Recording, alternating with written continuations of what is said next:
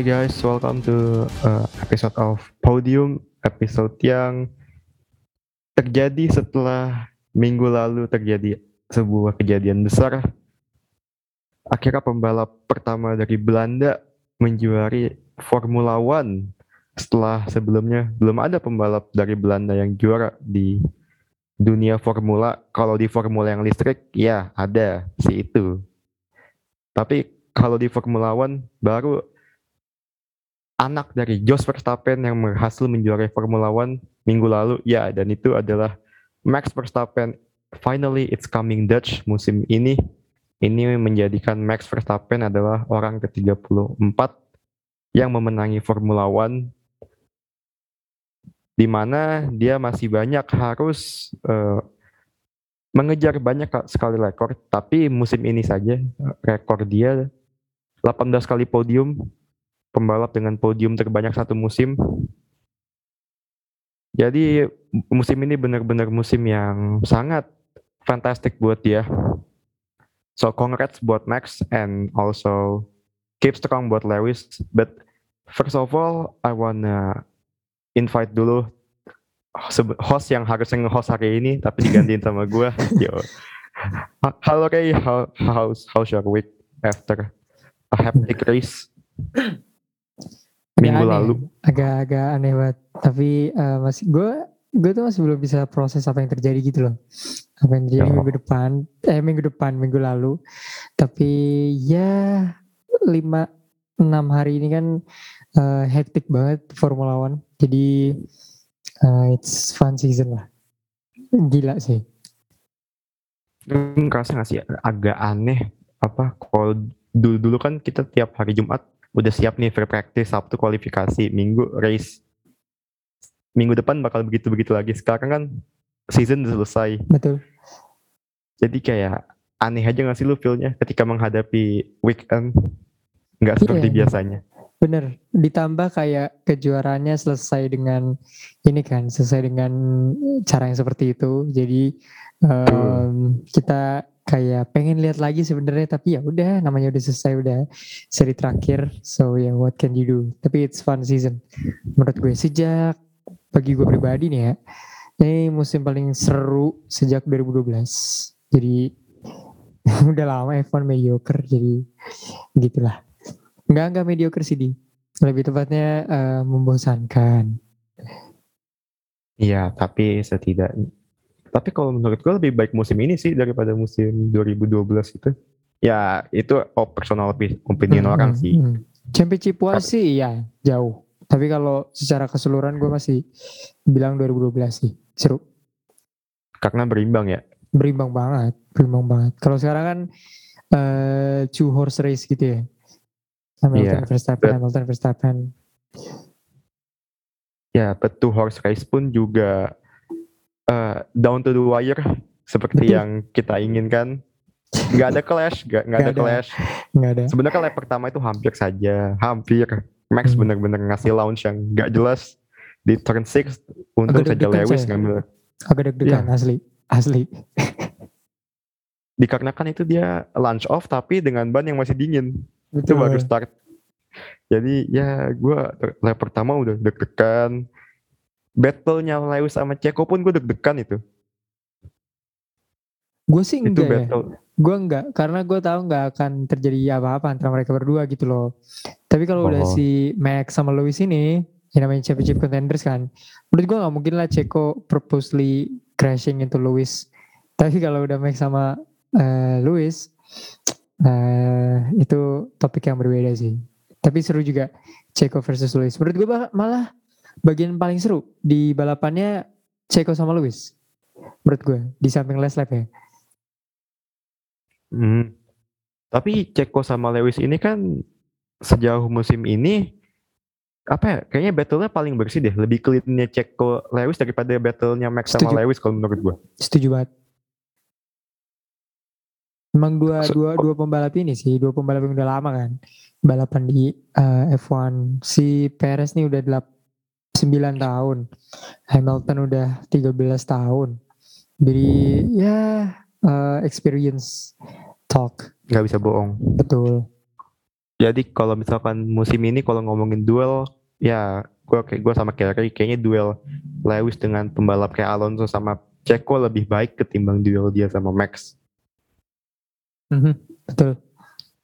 But the point of the race kemarin itu selain final lapnya yang hectic, final final lap itu kan terjadi karena ketidakjelasan yang namanya steward, race director, Hmm. everyone in FIA I think making mistake.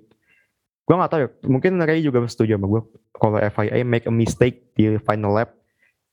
But first of all, gue gak bakal nyalahin tiba-tiba bakal ah salah masih nih gak, gak. Gue tidak seperti podcast-podcast yang lain. Betul, betul. Tapi gue ingin bertanya, if you was a race director nih, misalkan Raffi Rainer, FIA race director, Amin. what will Eh, what enggak, will enggak, you enggak. do? Jangan, jangan. Ntar gue di Ya. cancel, cancel. Tapi kalau jadi race, race director at that final lap, what will you do untuk Hmm. memperbaiki the race sama Ah. untuk ngasih balapan yang sangat baik karena kan lu nggak mungkin ngasih finish un- under safety car. Mm-mm, betul. Kalau finish under safety car nanti dibilangnya mafia ya kan. Betul. Karena Mercedes FIA. Tadi gue mau gue berpikirnya kayak gitu karena kan udah final five laps. Terus Latifi eh, ini keniscayaannya di dia nih Latifi ya.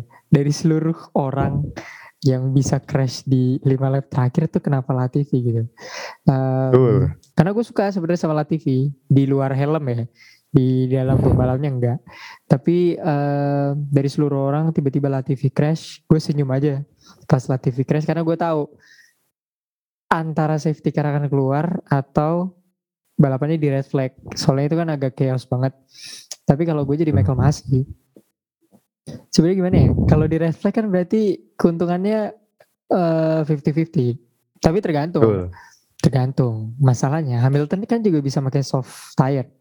Sesuai yang lo bilang Betul. episode lalu kalau eh, salah satu peraturan terbaik abad ini kalau lo habis red flag lo boleh ganti ban, ya kan?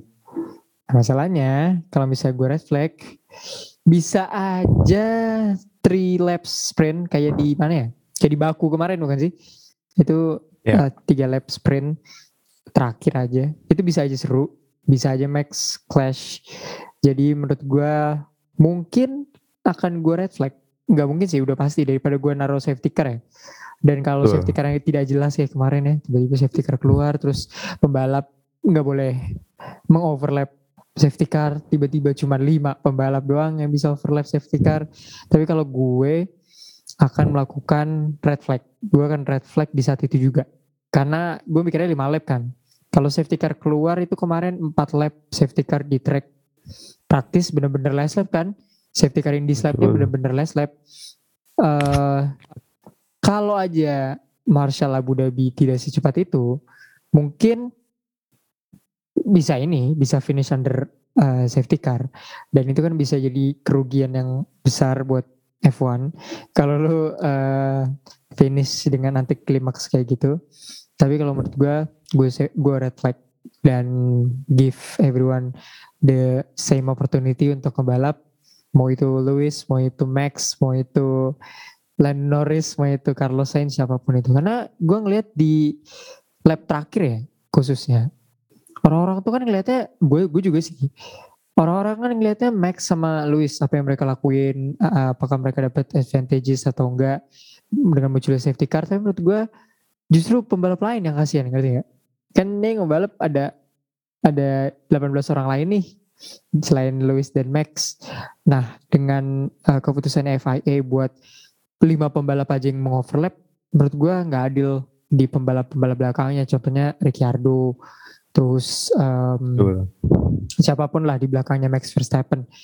Jadi agak aneh. So menurut gua red flag. Jadi semua equal opportunity. Dan bisa aja dengan adanya red flag, pembalap-pembalap lain bisa apa ya bisa ngacauin Improve.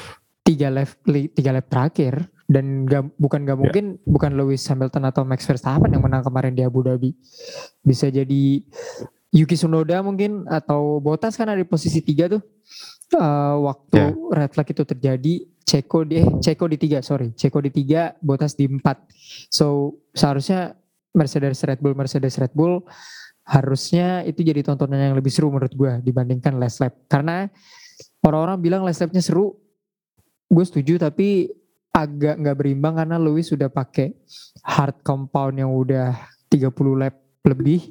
Sementara Max Verstappen pakai soft yang baru dia ganti 3 lap setelah safety eh 3 lap setelah uh, safety car keluar gitu. Jadi uh, ya last lap battle-nya seru. Seperti yang udah lu sebutin juga kalau lu mau nonton sampai last lap sampai final corner uh, itu harapan kita juga. Tapi agak nggak berimbang sih. Despite Lewis pakai Mercedes tapi kompon bahannya kan beda banget.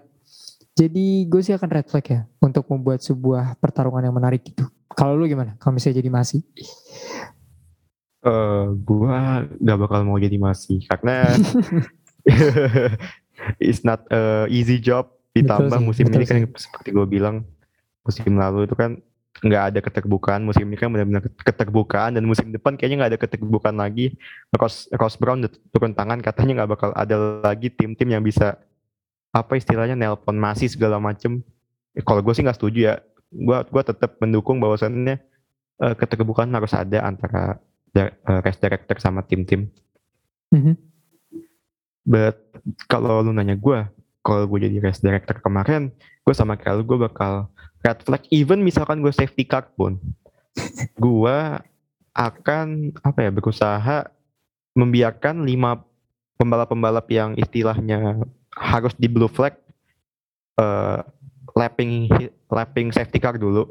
Karena kan ada beberapa lap di mana harusnya itu mobil-mobil yang harusnya blue flag mm-hmm. uh, ngelapping safety car malah nggak di situ kok lapping safety car malah di tiba-tiba benar-benar di ini kan di mhm. akhir-akhir momen banget dibolehin lappingnya padahal kan ada beberapa lap dua atau beberapa lap harusnya bisa di lapping harusnya dari awal. Itu, tapi hmm. harusnya dari awal iya harusnya dari awal jadi harusnya lebih cepat lebih baik karena kalau red flag lu kan tahu gue bukan fans uh, orang yang fans banget sama aturan red flag boleh ganti ban sama ganti itu betul betul. Tapi misalnya gini gue gue nggak tahu apa yang ada rules tambahan atau enggak tapi Max kan udah posisinya udah pit nih ya kan? Misalnya dia udah yep. pit um, dia keluar pakai soft uh, terus red flag nih dia keluar pakai soft terus red flag. Uh, misalnya ya misalnya nih ya misalnya Max keluar udah dua lap apakah dia ada kesempatan untuk ganti ban lagi ke soft yang set paling baru atau dia cuma bisa pakai soft yang baru dua lap itu Uh, kalau menurut gue kalau misalnya red flag ya kan Max, Max udah ngepit tuh tiba-tiba kan misalkan red flag tuh tiba-tiba mm-hmm. gue lebih pilih Max pakai ban soft yang dua lap itu karena oh. le- lebih sedikit lebih sedikit lebih panas. Oke okay, oke. Okay. Tem- temperature itu penting. Betul betul. Tapi ya ya apa boleh dibuat sih pada akhirnya ya Max menang dengan soft compound yang baru worn 3 lap versus Lewis Hamilton yang udah worn 30 lap. Um, Tapi tapi kalau ya. menurut gue itu adalah kesalahan Mercedes strategis. Setuju. Setuju karena banget. mereka bermain passively selama balapan itu mereka bermain passively dan emang works sih emang works buktinya gap 10 detik Max sama sekali nggak bisa berkata-kata sebelum kecelakaan Latifi itu betul betul But, ber, bermain pasif itu kan berarti apa ya lu main aman dan ya yang all or nothing bener-bener Max Max bener-bener virtual safety car dia ngepit mencoba untuk attack Lewis segala macem walaupun ujung-ujungnya nggak mempan. Dan memang kayaknya takdir nggak bisa bohong sih memang ini kayaknya tahunnya Max sih. Bener. Tahunnya bener. Max bener-bener tahunnya Max. Kayak yang punya hidup aja udah tahu gitu siapa yang harus juara dunia yeah. gitu. Dan mukjizatnya dikasih ya itulah TV gitu jadi. Iya. uh, lucu sih dan kontroversial juga gue sempat dengar ini di uh, video audio dari pembalap-pembalap yang uh, berada di situasi yang safety car ini. Gue dengar Carlos Sainz, gue dengar Ricciardo, Alonso, uh, Vettel, mereka semua kaget kenapa situasinya kayak gitu gitu loh ngerti Jadi tiba-tiba yeah. out of nowhere uh, safety car, terus Alonso kan situasinya dia lagi di belakang safety car banget ya, eh di belakang Lewis banget. Alonso terus Vettel, uh, mereka-mereka yang di belakang Hamilton tapi di depan Verstappen. Uh, mereka minta untuk kita nggak boleh unlap nih safety car-nya gitu. Silakan unlap kata uh, race engineer-nya. Terus tiba-tiba nggak boleh unlap. Terus tiba-tiba tiga lap kemudian silakan unlap, boleh. tapi cuma lima pembalap di depan Verstappen.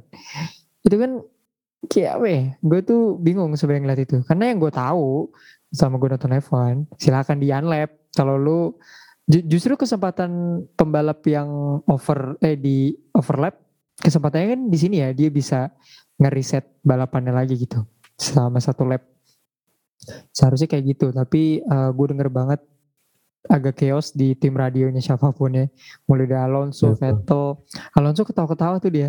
Dia, dia wah ini uh, gue udah tahu nih buat siapa buat siapa. Terus tiba-tiba safety car-nya eh tiba-tiba si back marker ini boleh nge-unlap eh boleh nge iya boleh Unlap. lapping lagi eh, safety car menurut gue itu itu yang bagian paling aneh lagi sih. Jadi udah aneh terus lu timpa lagi yang paling aneh gitu. Jadi kayak awalnya lu bikin sesuatu untuk memuluskan jalannya Hamilton tiba-tiba lu switching gitu. Jadi memuluskan langkahnya Verstappen kan gua bingung sih Betul. sama FIA terus mereka diprotes kan sama yang mulia Toto Wolff. Ini yang gua nggak seneng sih orang-orang tuh malah ngepraise ini ya. Tapi menurut gue ini statement yang agak aneh. Eh, Toto Wolff kan menangis gitu ya. Eh, ini nggak adil ini nggak adil gitu. Terus si Masi atau siapa gitu dia bilang Toto this is a motor racing gitu emang kadang-kadang pertama pertama kali denger tuh kaget ya. Gue kaget banget gitu dia berani ngomong kayak gitu. Tapi setelah didengar lagi menurut gue itu statement ini sih statement gak sopan dan kurang ajar ya. Dari race director gitu lu udah me- merugikan sebuah tim terus lu balas dengan statement yang asal jeplak aja gitu. Padahal kan dia sendiri yang mencederai motor racing itu dengan penalti-penalti yang uh, pointless dan inkonsisten jadi menurut gue eh ah, emang harus ada ini sih harus ada perombakan di race director di eh, dari FIA dan segala macam supaya nggak ada yang kayak gini lagi sih soalnya menurut gue eh, kayaknya drama musim ini di disebabin sama orang-orang di belakang sih bukan sama Hamilton sama Verstappen ya di luar Ya. mereka emang ada collision contohnya deh kayak Silverstone eh, Lewis dikasih 10 second terus tiba-tiba mereka tabrakan gak dikasih terus tiba-tiba dikasih dikasih enggak dikasih enggak gitu.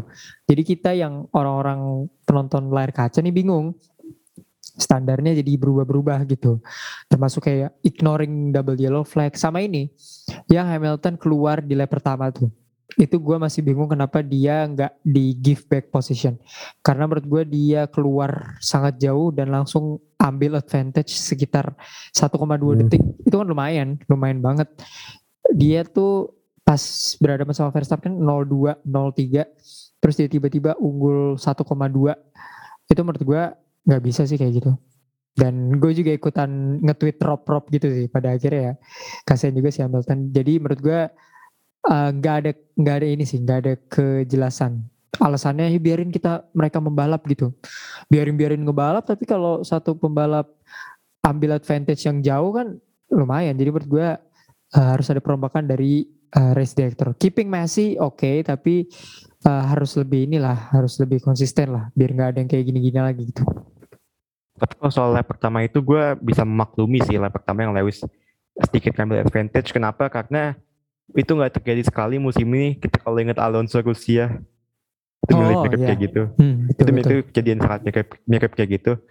Eh eh, memang s- model sirkuitnya menguntungkan jadi ya dan ditambah Max I think terlalu agresif juga ngambil launch yang agresif itu jadi ya that was affect racing tapi kalau soal ketidakjelasan ini eh FIA gue rasa udah terutama, terutama kemarin udah ganti presiden John Todd udah out diganti sama eh siapa tuh? Si orang Arab. si orang Arab iya betul. Gue lupa lagi namanya Ben Ben Benyamin siapa gitu.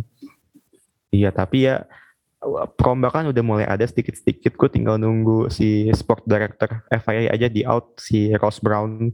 Karena gue kurang gimana sama dia karena dia ngasih statement bahwasannya musim depan race director nggak boleh ngomong sama tim director sama tapi itu menurut gue itu doesn't fair keterbukaan tuh harus harus terbuka kepada penonton harus menurut gue ya jadi gue rasa Setuju, setuju. selain Jeantot yang out gue rasa Ross Brown harus juga out sih Ya. keeping ma keeping masih is okay but we have to see juga uh, bahwasannya sport directornya ini kan juga sedikit rada-rada juga sih Ross Brown. Jadi ya pertama kick John Todd udah karena emang jabatan udah habis. Habis itu Ross Brown ya segeralah, segera disegerakan.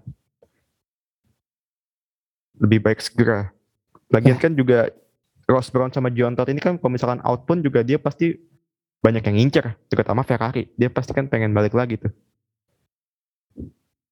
Iya iya akan membuat tim tersebut sangat kuat musim depan ya next year is our year. Tapi menurut lo uh, mukjizat mana yang paling uh, apa ya levelnya godly level ya? musim ini. Uh, no, ini gue kasih dua pilihan. Timo Glock atau Nicolas Latifi. Ya Timo Glock lah, Timo Glock itu out of itu bener-bener tikungan yang harusnya nggak ada pembalap bisa ngovertake itu tiba-tiba dia kena overtake itu one of the anehest moment. Tapi ya yang Latifi ini menurut gue lebih kasihan sih karena yang dihadapin media Inggris itu aja sih. Kalau Latifi gue lebih kasihan ngeliatnya. Hmm, ironik ya, uh, justru mau orang yang membantu Verstappen juara itu adalah orang yang pakai mesin Mercedes gitu ya. Di luar Iya, dan sekarang- Pierre atau Sergio Perez yang bisa crash, yang crash malah uh, ngap-ngap Kanada gitu. Tapi itu kan juga awalnya terjadi karena duel sama Mick. Oh, dirty tire tiba-tiba spin. Ya kalau kata meme-meme di sosmed sih Mick menjaga tradisi bokapnya seven world time champions dengan bikin dirty tire Latifi habis itu spin Betul. tapi ya it's all, it's all, it's only a meme gua yakin juga Latifi nggak pengen crash kok tapi ya sayang sekali betul. dia sekarang diserang media Betul. even dia pun kalau gua nggak salah ngapus foto dia sama George di Instagram ngapus foto perpisahan dia sama George jadi bener-bener I think Latifi udah kena mental juga sih karena Iya, men. diserang media dia diserang media Inggris tuh nggak gampang dia itu Timo Glock kalau ada di era sosial media, you know. betul Iya, imagine ya Timo Glock di era sosial media gitu. Menurut gue dia akan pensiun Ya, tapi lebih kalau cepat. Timo Glock kalau Timo Glock itu sih karena kan waktu lawannya Felipe Massa orang Brazil medianya kayak apa sih kan Iya. gede-gede banget kalau Berat. Inggris yang kalau Lewis karena Inggris dan punya panggilan Sir Hmm, ini udah berat banget udah, berat Udah. banget udah night juga kan ditunjuk ya kan jadi oh, Iya. pedang di bahu kiri bahu kanan. Tapi gue sih gue nggak ada masalah sama sekali. Gue cuman kaget aja Latif itu kenapa bisa dia crash di saat seperti itu ya? Mungkin probabilitasnya itu kecil banget di eh, crash di, Iya. di, di, di di saat-saat kayak gitu ya. Jadi ya di saat semua orang sudah berpikir still we rise again tiba-tiba Ya. ya, itu keniscayaan itu bernama Latifi gitu. Tapi emang takdir nggak bisa bohong sih emang musim ini emang. Max betul maybe Lewis Lewis memang Robert at Abu Dhabi but for this season ya seasonnya Max sih. season Max ya Lewis juga Tapi- kalah pun maksudnya nggak kalah-kalah amat sih cuman ya Hmm. 57 lap memimpin di comeback satu lap ya hilang semua Iya. tuh kerja keras kalau kata kalau men, kalau according to coach Justin lu leading 57 lap tapi nggak finish di final lap as a number one you still lose the race you lose the race betul Iya. but tadi kan lu sempat bilang juga Alonso ketawa-ketawa di tim radio gue jadi pengen throwback ke momen di mana Alonso juara juga waktu saat masih usia yang sama kayak Max 24 tahun kalau gue nggak salah betul Alonso defeat Michael Schumacher at 24 years old. Tetapi setelah itu kita tahu karena Alonso tidak tidak beruntung. Walaupun gue masih admit he is one of the best driver with his driving style. Kalau kita tahu, kalau kita ngelihat driving style Alonso, it's different. Dia bisa banting-banting setir tanpa sliding itu kan gila. Dan di 2021 terjadi juga ini oleh Max masih 24 tahun ngalahin seven time world champions lu melihat gak sih ada kemungkinan bahwasannya Max ini akan jadi next, the next Alonso in future? Duh gimana ya? Tapi lucu ya coincidence banget ya. Bisa mirip Iya. gitu sama em, tahun 2005 ya walaupun Betul. Michael waktu itu bukan yang posisi dua ya. Dia tuh cuma menang sekali di Indianapolis kalau gua nggak salah. Itu juga kalau dia pas menang di Indianapolis yang lu tau gak sih yang mobilnya cuma 6 itu? Yang sisanya makin Michelin tuh nggak masuk. Eh, ke race gitu yang gue ingat. Tapi sama atau enggaknya menurut gue secara personality enggak ya Alonso lebih songong dan lebih keluar di media sementara Max tuh orangnya sebenarnya dia personality kayak Vettel sih ya, kalau Max itu. Cuman dia gak gerusak-gerusuk mungkin kalau di out tracknya Verstappen ini kayak kayak Sep di dalamnya baru. Mirip banget sama Alonso. Gue tuh lihat kemarin pas banget mau puluh nanya kayak gini di reels itu ada sebuah video eh uh, imagine if these two team up ya Max Verstappen sama Fernando Alonso. Gue sih gue berpikirnya dua pembalap ini gak akan workout kalau uh, teammate ya karena dua-duanya egonya gede banget. Dan Alonso kalau di prime-nya pernah dipasangin sama Hamilton kan lu tahu kan kayak gimana endingnya. Jadi uh, gue berharap sih enggak lah uh, Max mudah-mudahan bisa lebih lebih dari dua world champion tapi kalau dari sudut pandang fans Ferrari sih ya ya jelas lah dua kayaknya udah cukup untuk Max. Tapi the next Alonso mungkin enggak yang penting dia apa ya Max tuh harus uh, hati-hati dalam memilih tim di masa depan sih. We never know kan. Iya. kalau Alonso kan ngejar ya ngejar beat juga. Obviously dia ke Ferrari ke McLaren kan ditawarin tas yang gede banget. Jadi um, ini gue berharapnya Max staying in Red Bull dengan catatan Red Bull bisa produksi mobil yang sama kencangnya tiap tahun Baik. sih. Karena ini udah musim keberapa ya? Verstappen tuh udah musim ketujuh. Tujuh. Uh, walaupun walaupun dia baru umur 24 tapi butuh tujuh musim untuk menjadi juara dunia.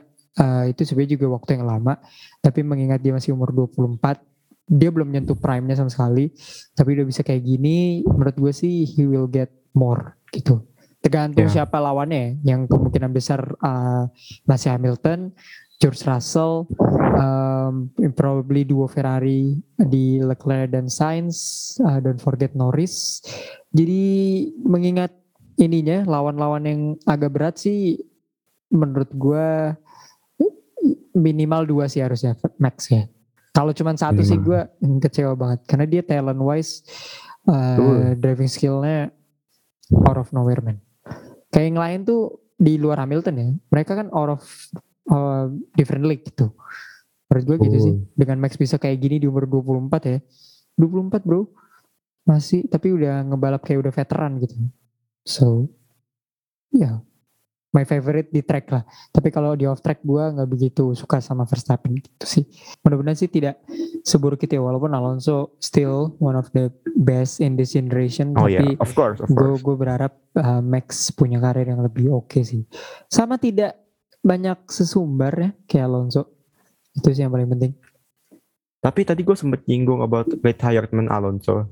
Sekarang gue pengen nyinggung retirement ini ke Lewis Hamilton. Kenapa gue nyinggung retirement ke Lewis? Karena setelah race Abu Dhabi kemarin, gue sempet dapet eh, dari streamingnya si ini eh, kakaknya siapa sih namanya? Eh, Nico Anthony. Hamilton kalau oh ya Anthony bokap Eh. deh sorry sorry Nicholas Ya, Nico adanya Hamilton. ya Nicholas Hamilton eh, Lewis itu sampai kayak ngurung diri nggak mau ngomong ke siapa-siapa dan kita kan baru ngeliat Lewis ini kan di beberapa foto-foto aja kayak foto hari ini dia kembali ke garasinya Mercedes habis itu foto dia ditunjuk jadi Knight sama Ituan Inggris baru dua foto dong gue ngeliat Lewis di sosmed beberapa waktu terakhir ini. Dan isunya sih Lewis kat- kabarnya sedang mentalnya lagi nggak oke nih. Kat- kat- Toto pun juga nggak menjamin Lewis bakal balapan musim depan. Alias kemungkinan Lewis pensiun ini sangat besar.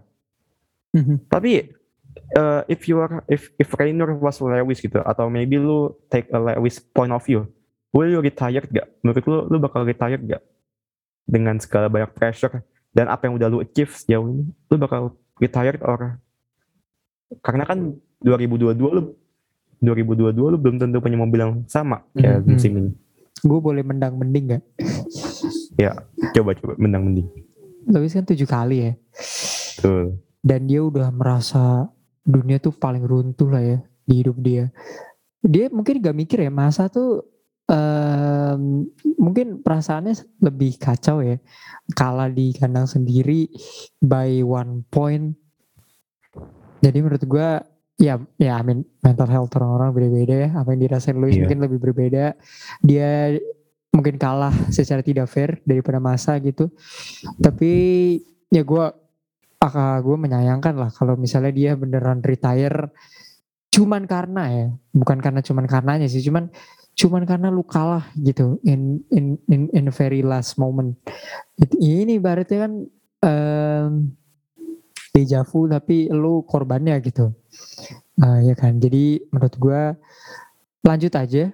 Lagi pula nggak mungkin lah Mercedes tiba-tiba tahun depan flop gitu. Ya mentok-mentok mereka masih juara seri sih menurut gue dengan duit yang mereka punya R&D-nya dan segala macam um, I guess Mercedes akan tetap jadi championship favorite. Apalagi mereka lah sejak era hybrid belum terkalahkan um, car wise gitu ya. Bukan pembalap juga. Jadi eh maksudnya secara hybrid kan mereka cuma baru kalah sekarang gitu kan pembalapnya gitu. Yeah, yeah. sama Verstappen. Sebelumnya mereka nggak pernah kalah sama sekali. Even the Rosberg one. Jadi menurut gue lanjut aja dan gue menyayangkan banget sih kalau dia beneran beneran pensiun ya. Cuman gara-gara kayak gini gitu nah gue mudah-mudahan dia recover. Dia juga udah diangkat jadi knight. Udah balik juga ke factory-nya Mercedes. Senyum-senyum juga walaupun kita nggak tahu hati orang. Tapi uh, ya yeah, I hope he recover gitu ya. Lewis ini udah kayak Gen Z ya. Padahal kan dia kelahiran 84 kalau gue salah 87 apa 88 gitu. Tapi yeah, uh, yeah. agak-agak sensi gitu. Tapi ya I understand lah kenapa dia butuh waktu lagi. Apalagi Anthony Hamilton juga datang blok dia salah satu konten yang wholesome bagi gue uh, karena Anthony Hamilton tuh udah nemenin Lewis sejak pertama kali dia balapan gitu. Jadi beliau masih hidup sampai sekarang sih keren sih menurut gue uh, Anthony ya tapi ya, yeah. gue sih senang ya dia disuruh sama orang-orang yang supportive gitu jadi dia ada ada motivasi lagi gitu loh untuk uh, balik balap gitu. Tapi menurut lo gimana? Betul. Setuju nggak kalau misalnya menurut gue retire gitu? Setuju kali sih. Gue gue tapi tapi jujur kok kok ngeliat isu kita Lewis ini gue ngeliat juga ada faktor kontrak juga sih di belakang. Oh why Why why why? Soalnya faktor kontrak dan gaji ini kayaknya Lewis emang bermasalah banget dari musim lalu. Ah. Kita kan masih ingat musim lalu itu Lewis itu uh, di announcement buat musim depannya benar-benar di last minute. Iya benar-benar. Kalau mau masih ke tahun lalu. Jadi gue melihat kayaknya Lewis ini juga ada masalah salary juga, salary juga mungkin mengingat kontrak dia tinggal satu tahun lagi sampai 2022. Jadi gue rasa gue melihat juga sih kon, uh, permasalahan kontrak ini di Lewis. Tapi kalau I, I think gue nggak pengen sih lihat Lewis ini kayak Sep, kayak Vettel. Kenapa? Karena apa ya? Gue jadi keinget Vettel Vettel is a great driver tapi dengan kondisi dia yang sekarang dia udah kalah tolak waktu itu dengan di Ferrari dia gue rasa Vettel ini tinggal pembalap yang punya bakat tapi gairah balapnya udah hilang ngerti nggak mm-hmm. bakatnya masih ada tapi gairah balapnya udah hilang dan gue nggak mau itu terjadi sama Lewis sih karena kalau ngeliat Vettel kayaknya sadly banget gak sih lu ngeliat Vettel yang kayaknya bakatnya masih ada tapi ya gairahnya udah hilang aja jadi ya gue rasa Lewis gue gak kepengen itu terjadi sih ke Lewis dan gue harap ini cuman seperti yang pengen gue curigai cuman permasalahan kontrak di belakang masalah salary atau segala macam sih Hmm, gue berharap sih nggak ada isu-isu race di sini ya, karena kan dia hmm. satu yang pembalap berkulit. Uh, ya, yeah, actually ada Sunoda juga, maksudnya pembalap yang bukan kulit putih gitu ya. Ya gue berharap sih Iya seharusnya wajar gak sih? Tujuh kali juara dunia minta gaji yang gede gitu kan? Uh, despite ya, everything masalah salary. happen di belakang. tapi gue berharapnya sih gue gak tahu ya apakah kalau Lewis Hamilton itu kulit putih akan di uh, iyain gaji gedenya apa enggak karena dia udah fighting against racism for like tiga tahun belakangan ini. Tapi tapi Lewis ini sebenarnya gajinya kalau Lewis ini adalah pembalap gajinya paling gede di Formula One sekarang dia gajinya berapa gitu. Tetapi menggunakan regulasi tahun depan akan ada regulasi gaji kan tahun depan gaji hmm. pembalap bakal dibatasi. Nah, gua salary rasa, capting gitu ya? Iya salary cap semacam gaji salary cap itu gue rasa Lewis pengen kayaknya apa ya biar gaji dia bisa naik tapi juga apa ya jadi Mercedes tuh kayaknya gue nggak kayaknya Lewis tuh pengen dari Mercedes tuh berjuang gitu biar gaji dia bisa ngelewatin salary cap gitu karena dengan gaji yang sekarang gue rasa gaji dia kayaknya di atas salary cap sih dan musim hmm. depan kan gaji pembalap bakal ditentuin gitu ada batasan. Hmm, gue lupa okay. berapa tapi bakal dibatasin sih. Iya kalau lu biasa ngikutin olahraga Amerika lu pasti udah familiar kayak model-model familiar. cap cap Sangat. salary cap gini. Kalau ngelawan salary cap berarti luxury lu harus ngebayar luxury tax. Tapi Iya, em, B mungkin salah satu alasannya itu. Tapi menurut gua dengan adanya George Russell juga Mercedes mau Oh. bikin icon baru yang sama-sama dari Inggris dan mungkin kulit putih juga. Eh, belum mereka punya Nick De Vries yang sayang kalau nggak mereka promosiin. Belum mereka Betul. punya guys like Ocon yang sudah ada di seberang Prancis. Jadi menurut gua um, they wanna get rid of Hamilton sih as soon as possible. Fakta bahwa dia udah kalah tahun ini, menurut gua kalau tahun depan Hamilton some way somehow tidak menang lagi, ya I see that's the end of Hamilton's career sih. Karena gua nggak yakin dia mau pindah ke tim yang eh tergantung ya siapa yang juara dunia tahun depan. Iya. Tapi kalau misalnya tetap Mercedes, Red Bull, McLaren dan Ferrari dengan adanya pembalap-pembalap ini sih menurut gua Hamilton got no chance untuk ada di kursi-kursi ini. Menurut gue Sainz Leclerc akan lama di Ferrari, Uh, Verstappen, Ceko mungkin Ceko bisa jadi tahun terakhir besok. Tapi gue gak, gak- gua nggak yakin banget Red Bull mau ngeiyain ngambil Hamilton Verstappen dalam satu tim. Uh, McLaren possibly mungkin homecoming untuk Hamilton bisa di situ juga. Tapi Tapi, Daniel, Daniel, Daniel, Daniel kayaknya si Pato Award itu kayaknya OTW sih. Daniel kayaknya udah ngamen. Si Hmm. Pato itu kayaknya udah. Hmm, hmm. Tapi ya masalah gaji sih. Masalah kayaknya emang Mercedes pengen get rid of Hamilton ya karena masalah gaji itu. Gajinya Hamilton ini gede banget, Pak. Hmm. Asli. dan mereka akan Karena dia- membuat icon-icon baru yang lebih sustainable lah, Iya. normal lah itu. Cuman ya kasihan Ya sih. eh, ya normal lah. Maksud gue Lotus Renault aja waktu itu kan sampai iniin Kimi kan. Sampai akhirnya ngebuang Kimi. Bukan ngebuang sih. Maksudnya sampai memindahkan Kimi saking Kimi kebanyakan dapat bonusnya. Hmm, betul betul. at that time. Ya, salary salary memang sekarang kayaknya menjadi hal gimana karena ya pandemik semua kena. Mercedes pun juga kena ya, karena masalah pandemik, masalah pemasukan segala macam. Jadi ya Lewis harus lebih gimana karena kan yang dapat duit kan di factory bukan lu doang.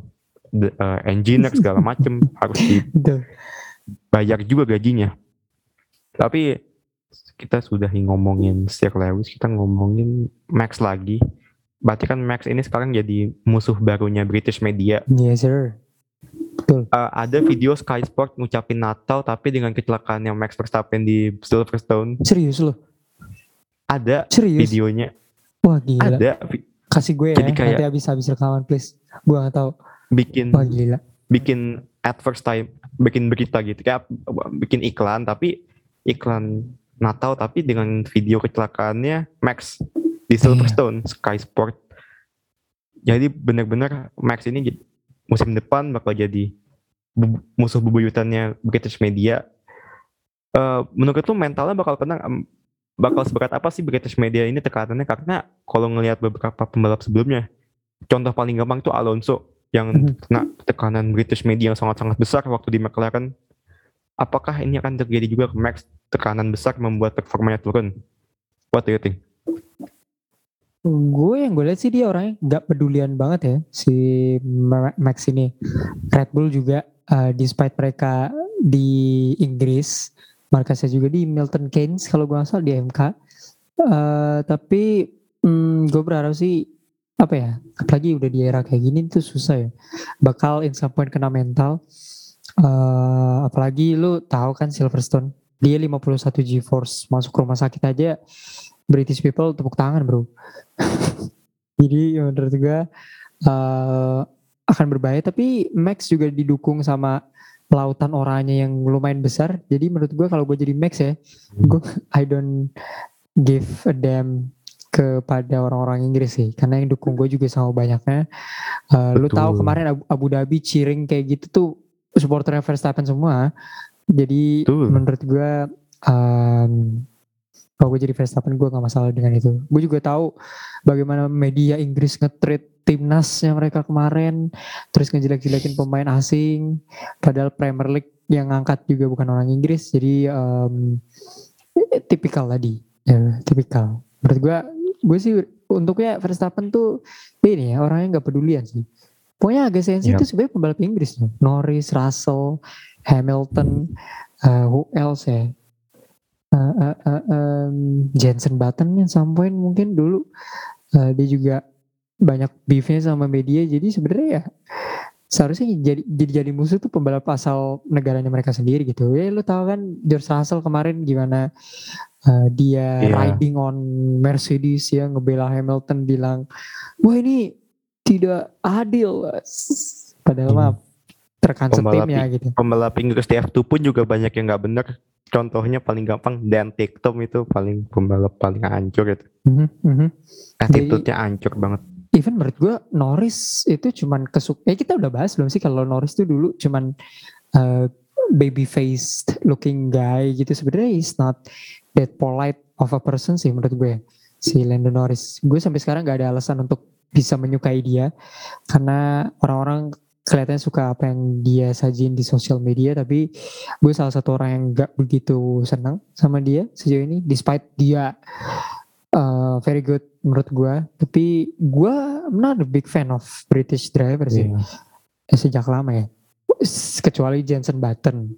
Tapi um, di luar itu nggak nggak pernah sih gue Oh Johnson itu mah another level sih. Dia juara dengan Brown GP waktu saat itu. Itu he's on another level of British driver sih. Walaupun gak sesukses Lewis but he's on another level. Yes fun tapi lu nggak kok lu gak suka sama Lando kan lu sama-sama fans Rossi mungkin sesama fans Rossi tidak suka satu sama lain ya, tapi nggak tahu gue tuh kayak iya. Sama Lando tuh masih belum nemuin kenapa gue harus suka dia gitu. Kalau Ricciardo iya. Gue emang Wah, suka Ricciardo. dari dia Red Bull. Dia pertama kali datang ke Red Bull tuh gue udah suka sama personalitinya tapi Lando tuh gue nggak tahu kenapa gue nggak suka gitu. Mungkin terlalu banyak orang yang suka sama dia jadinya gue nggak suka sama dia.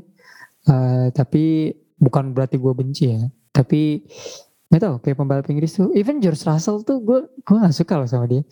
Terlalu di overhype gitu di ya ya semua akan British pada waktunya but it's okay karena tahun ini it's coming Dutch.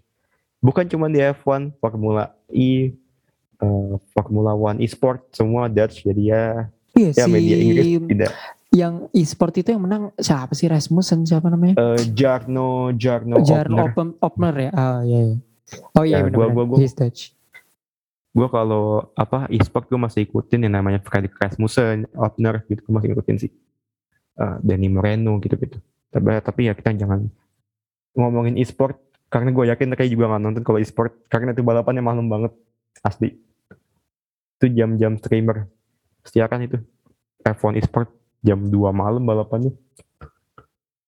But eh, kita tadi udah ngomongin sedikit ngomongin British berarti kita harus ngasih eh gue nggak gue nggak tahu gimana teman tapi gue mau ngasih sedikit eh apa ya congratulation dulu kepada tim yang didukung oleh British media sangat-sangat yaitu Oke. Mercedes pastinya.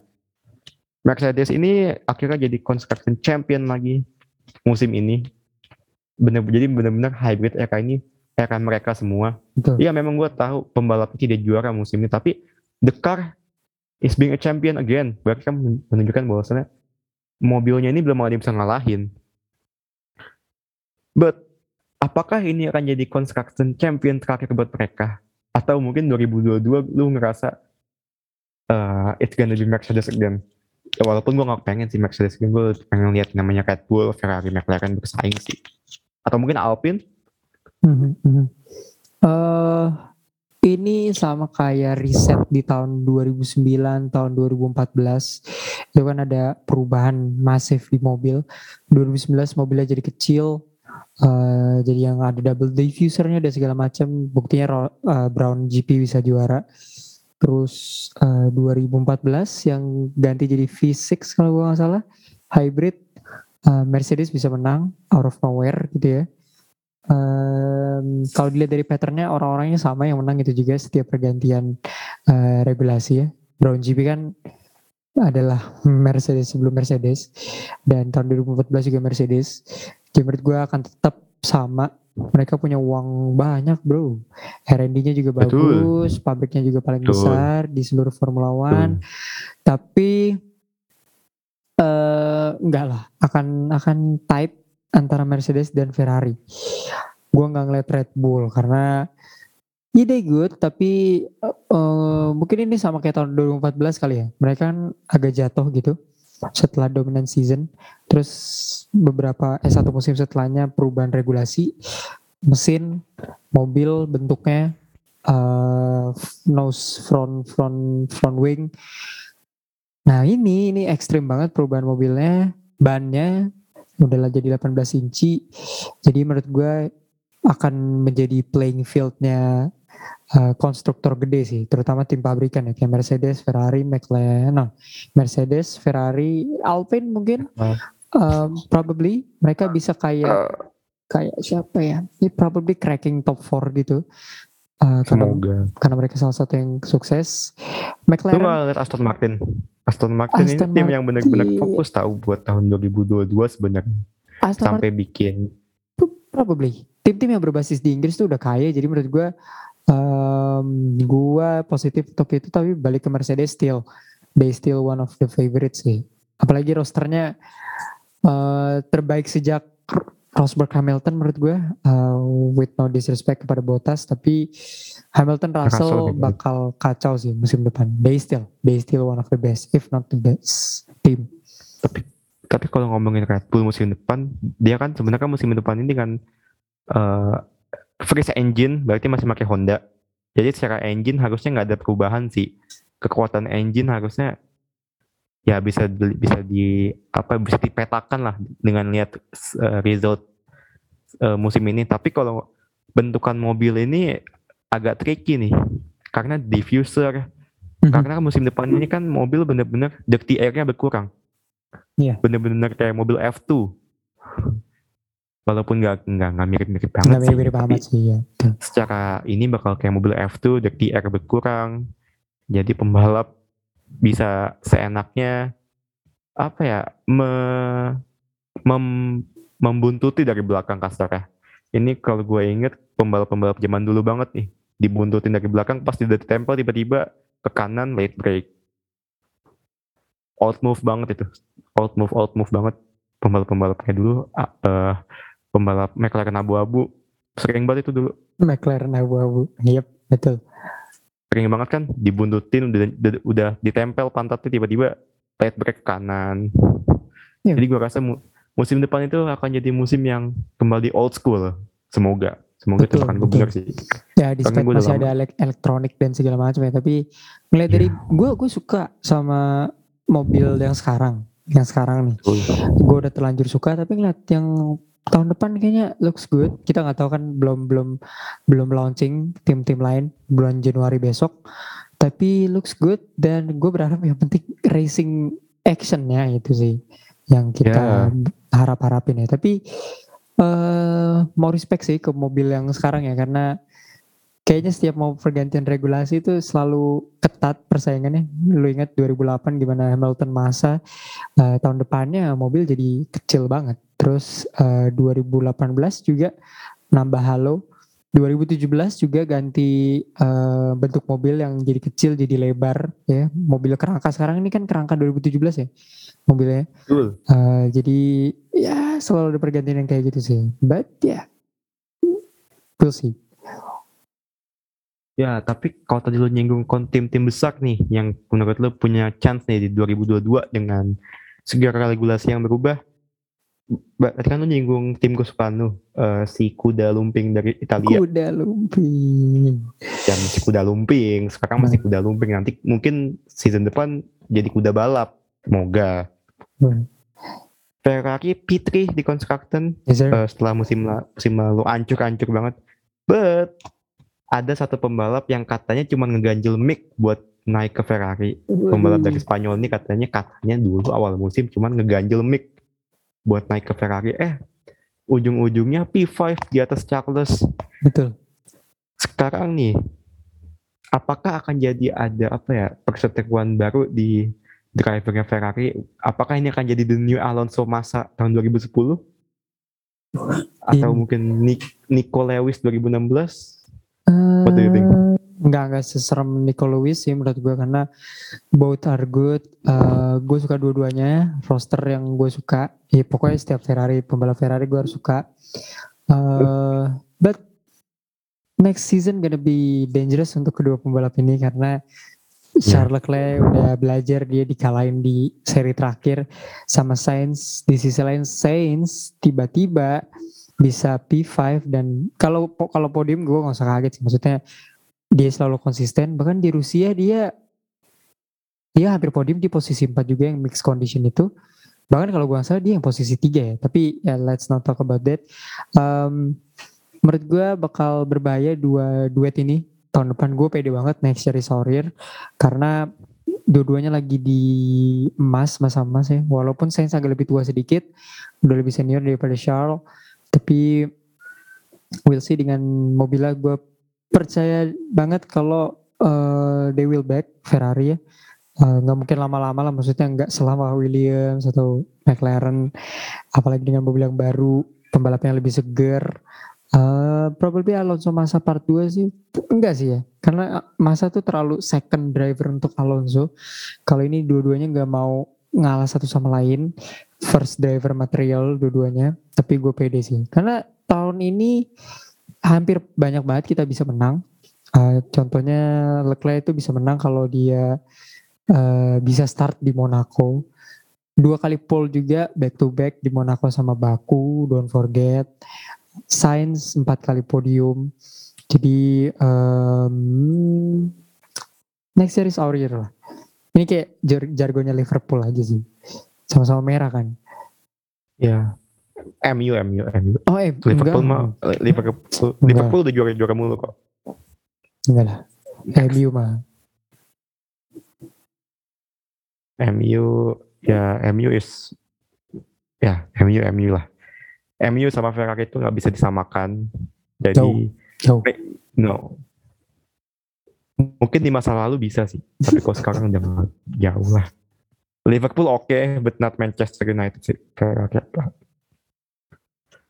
But um, Carlos and Charles bakal jadi problematika besar buat Binotto, Binotto yang nggak nggak visioner visioner banget lah kasarnya. Betul, pusing Ferrari besok. Betul, asli.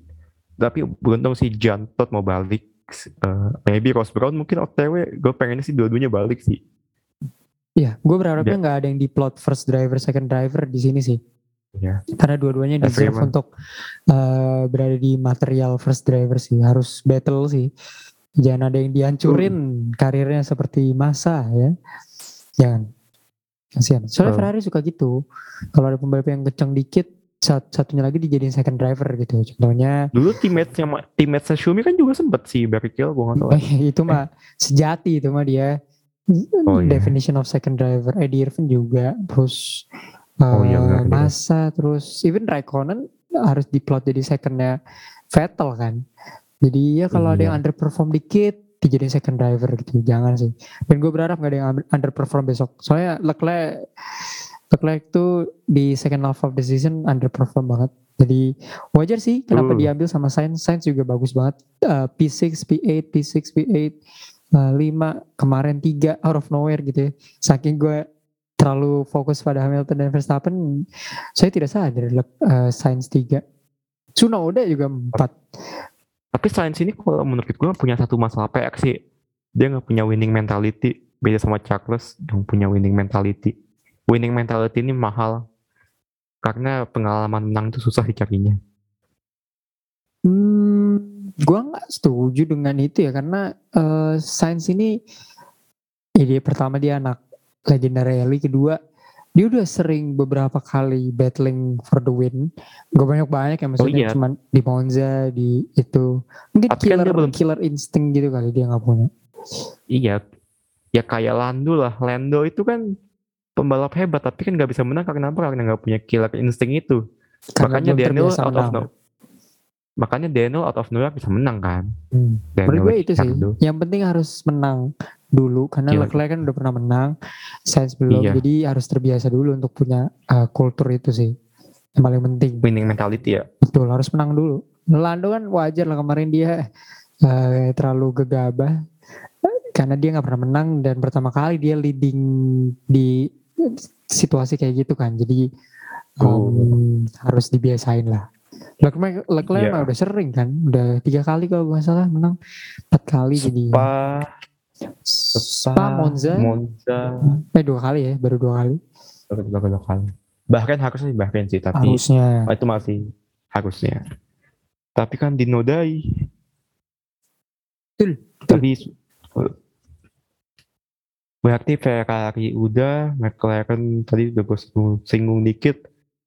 eh Alpine, Alpine perlu kita review nggak sih musim ini? Karena menurut gue Alpine biasa-biasa aja sih, walaupun di atas Alfa Tauri musim ini. Terlepas dari Hmm. kemenangan Esteban Ocon ya, tapi menurut gue ini tim masih mediocre banget sih. Mhm, mhm.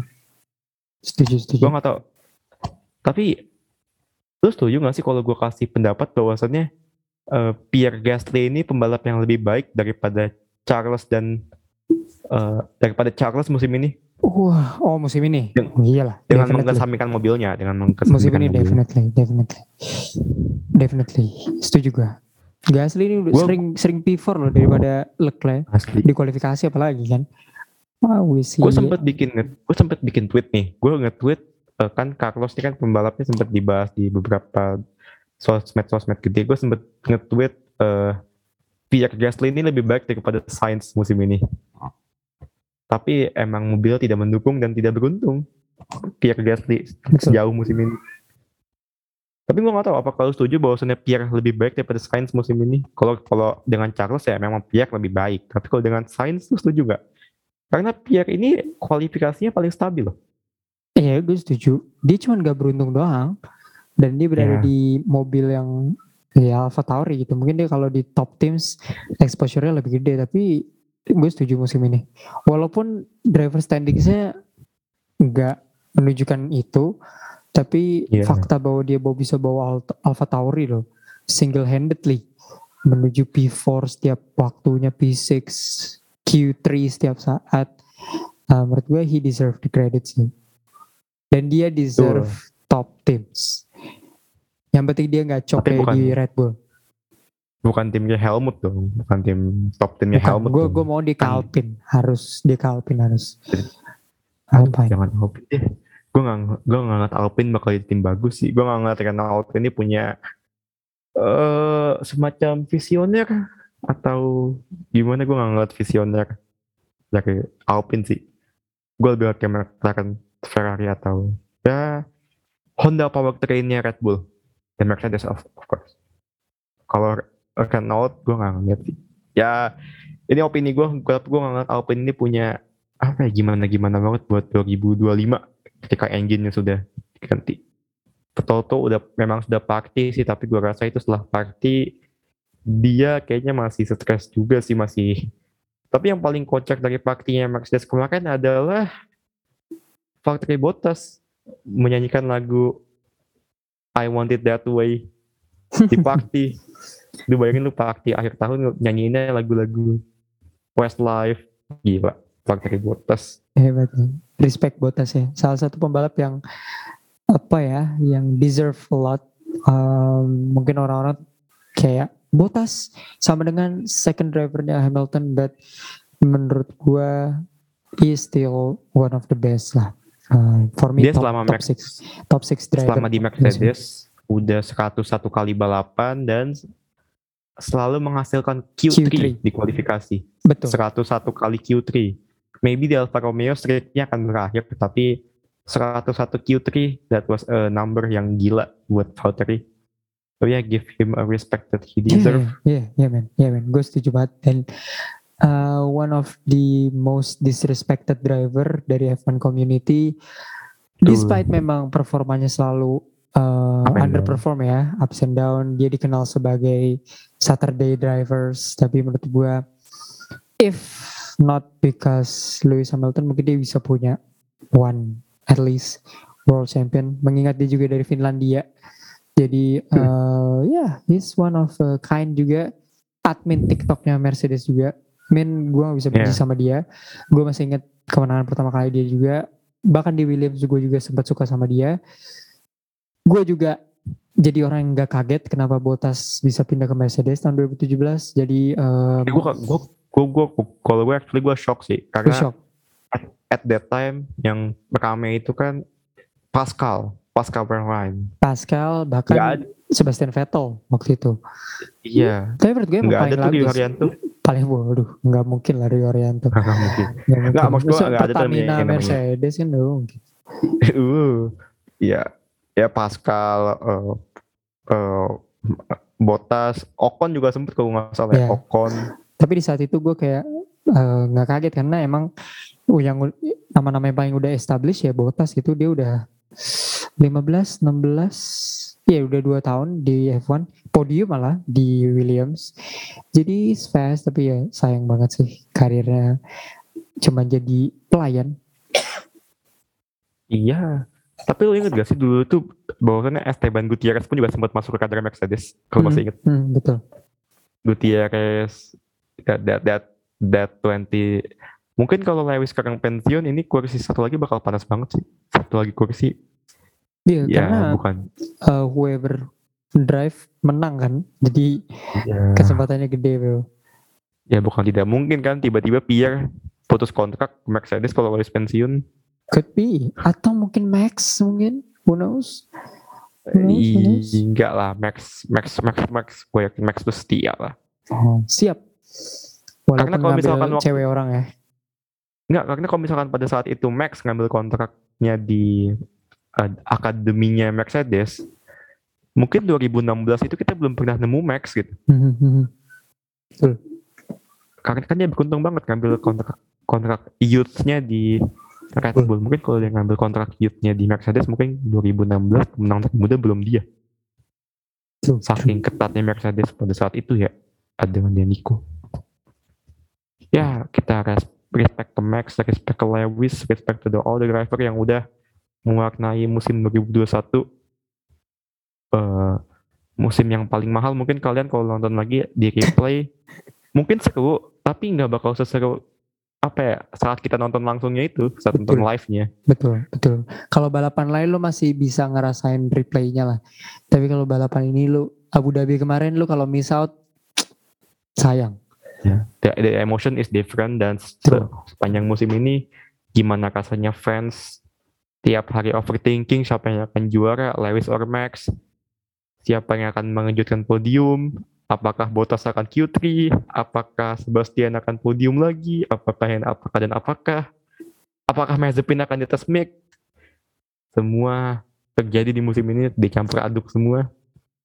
Dan ya that is the end of the season musim ini. Kita ngebahas ranking pembalap next episode kali ya? Iya, iya, true. Eh, kita akan siapin dua episode di mana kita akan bahas ranking pembalap Formula One versi kita ya jelas dengan beberapa matrix dan MotoGP di episode ke-17 18 to close the season. iya As soon as next week. berarti judulnya podium rapid Eh, Oh iya iya iya. Bisa bisa Podium rap. why not? Why not? Podium rap. ya tinggal ke Induk tuh ngeditnya tuh Iya, tim editing dia. plus dan dua itu dia. Betul sih ya. ya seperti biasa gua selalu meng-host episode-episode yang panas anjay setelah sebelumnya gua nge-host episode Rossi gua nggak tahu ya, kayaknya Rossi one of the best episode of podium maybe maybe Iya, the most place so far musim ini.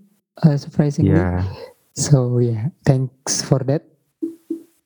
jadi kayaknya kalau tiap kayaknya memang gue ini host yang cocok nih buat eh, race-race gede nih Iya, betul sekali nih. Andalan. nih. Ini pertanyaan-pertanyaan berbahaya. nih. Gue sangat mengeksposur diri gue aduh Apa apalah daripada merasa rendah diri kan dia bagus. Overthinking kayak Lewis nanti kan. Ya, Lewis. Ya mungkin dia mau ganti balap kali, tukeran sama Nick kan gak ada yang tahu. Who knows? Atau dia mau jadi pundit juga pundit? Who knows? Atau mau jadi model? Eh jadi pandit, jadi analis, asal nggak suka ngejing kayak Nico nggak apa-apa sih. Setuju. Is Lewis Hamilton karir over? Uh, Wah, emot api belakangnya. emot api, emot Gambar. api, emot api. yeah, I think that is the end of the podium episode ke-16. Thank you semua buat yang udah dengerin sepanjang season F1 ini. Respect. Ini juga sih uh, musim yang gimana apa ya uh, season yang benar-benar tough buat podium ya kan sempet uh, vakum juga masih sempet stop lama juga masih podium? Ya kita sempat ya after Silverstone ya around tiga minggu hampir satu satu bulan lebih malah bulan. Uh, sebelum kedatangan kawan saya ini. So yeah thank you for that. Ya yeah, podium is back and F1 is back. Motorsport kena libur. So yeah enjoy your holiday guys karena kita belum tentu musim depan ngelihat musim kayak gini lagi. And kurang-kurangin lah debat di sosial media. Karena gue kemarin pagi ah beberapa pagi yang lalu gue buka space Twitter. Isinya fans Lewis debat sama fans Max Verstappen. Gue pagi-pagi lagi baru bangun tidur nggak dengerin space Twitter isinya orang debat. Aduh, aduh. buset deh kepala gue panas walaupun bahasa Inggris ya. Betul si paling bener si paling bener. Iya ya begitulah. Jadi kurang-kurangin lah berdebat di sosial media and apa ya kalian mungkin bisa mengenjoy kali dengan drama-drama yang ada di sosial media sekarang jadi ya nikmatilah libur drama F1 musim ini uh, oke okay, any words from Rainer maybe Um, yeah, see you in next final two episode mungkin. Yeah. Uh, gue berharap ranking-rankingnya ada yang sedikit kontroversial biar rame aja sih sebenarnya. Yeah. Tapi let's see, let's see, let's see, let's see.